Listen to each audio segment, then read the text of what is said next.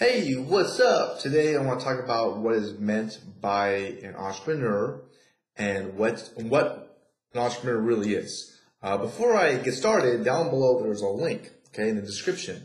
If you click on it, um, there's really good training on how to make money in internet marketing, how to sell, and what to do after that first sale to put more money in your pocket. Okay. Uh, now it seems that being an entrepreneur really is the coolest thing right now, um, especially with how crazy the world is. Um, you know, being an entrepreneur is kind of a good thing. You're more adaptable. You're you're zigging, zagging, and whoo, whoo, whoo, whoo. Um, see, during my father's generation, um, he was lucky enough to find a, a, really good manufacturing job. He stayed there his whole life. He got a pension, yada yada yada.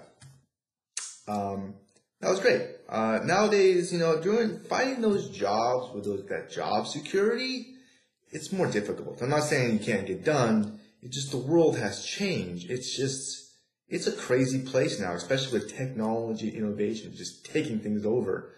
I mean, uh, yeah, it's just crazy. So now with the world changing as quickly as it is, there's benefits and goods and there's bad things about that. Um, and the catch is, you know, you have to it's, it's almost like you have to catch different waves to move, you know, rather than just stick on one wave the rest of your life. I know I'm thinking about surfing because I'm, I'm probably about to go. I actually had a boogie board back there. I'm about to go hit the boogie, hit the waves pretty soon. Uh, so what is meant by being an entrepreneur? Well, I just started reading Lori Greiner's book. And if you know who she is, she's the girl on Shark Tank. Um, and she's very interesting. She has an interesting history. She actually created over 400 products. Um, and she actually explains being an entrepreneur very well. I want to share with you what she mentions about it. Uh, it really means that there's no one around to tell you what to do. There you go. Uh, and no one around to make sure you do it. Some people love this. I love it. And some people, it's not really for them. And one of the biggest reasons I really love it, I just hate my being micromanaged, and I've had some really lousy bosses. I've had some cool bosses too, but man, having a lousy boss just sucks. And some people find it very difficult to stick to a self-imposed regimen. Uh, it's kind of like marching to your own drumbeat. And uh, being independent doesn't mean, you know, well, you could turn to other people for expertise or guidance. It, it doesn't mean that you go, oh no, I'm not going to listen to anybody. I'm not going to take any advice or education. I'm a know-it-all. It doesn't mean that you're a know-all. That's not good. And a smart person knows how and when to do that. Uh, but you must take the action on what you learn uh, and experiment with it. Uh, I'm somewhat of an entrepreneur, not like completely. Uh, I don't think I'm a full one, but I am somewhat of one. And but you must take the action, you know, experiment with what you do. That's the key thing. I, I like the term shoot first, aim second. And uh, with me, my history is I've been selling various things through the phone, door to door. Uh, I've been internet marketing for just an insanely long freaking time, and I've experimented with so much stuff online. I've failed so damn much; it's insane. It's pathetic, really. Um, I've actually, before this YouTube channel, I had another YouTube channel and it had well over 2 million views. I thought it was pretty successful. But I could barely make any money because I didn't know what I was doing, to be honest with you. So I got help.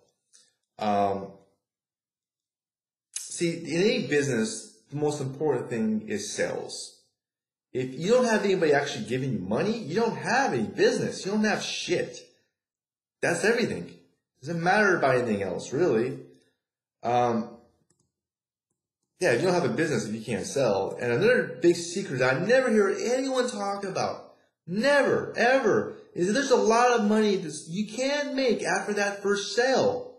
There's a ton of money. And if you don't know what you're doing, you're going to leave a shitload of table, money on the table.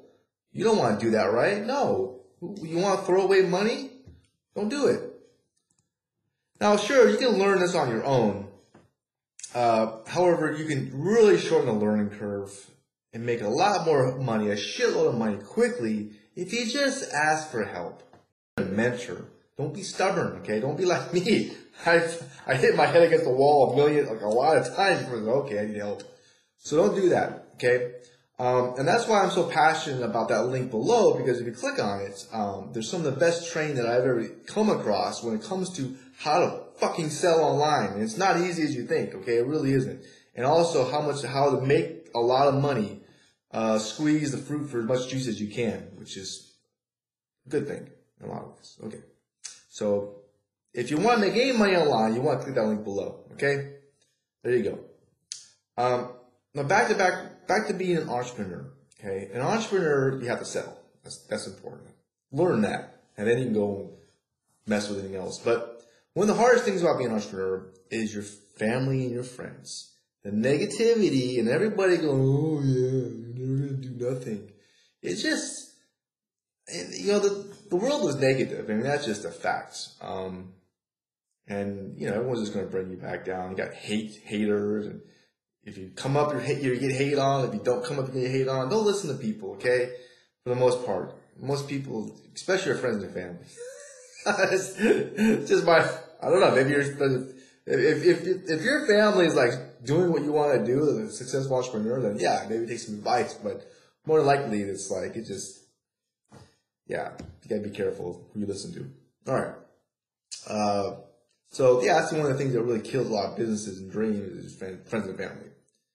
Uh, so your worst enemy, apart from your friends and family, in a lot of places, is your own self-doubt. Never underestimate or undervalue yourself. You can make it happen. Okay. Um, I, I, I'm making, you know, I'm not trying to brag, but I make some pretty damn good money now. And I'm an idiot. I'm a, I am not the smartest guy. The, I am, I am stupid. I was born April the 1st. I've done more dumb things than you can imagine. So if a dumb dumb like me can make money, and uh, you know you can too. Okay. So, anyways, I hope you got some value from this video or audio. If you're listening on podcast form, I hope you liked it. If you did, please hit the thumbs up button. Okay. Um, I really do appreciate your time. I know your time is valuable, and I wish you the best. Bye for now.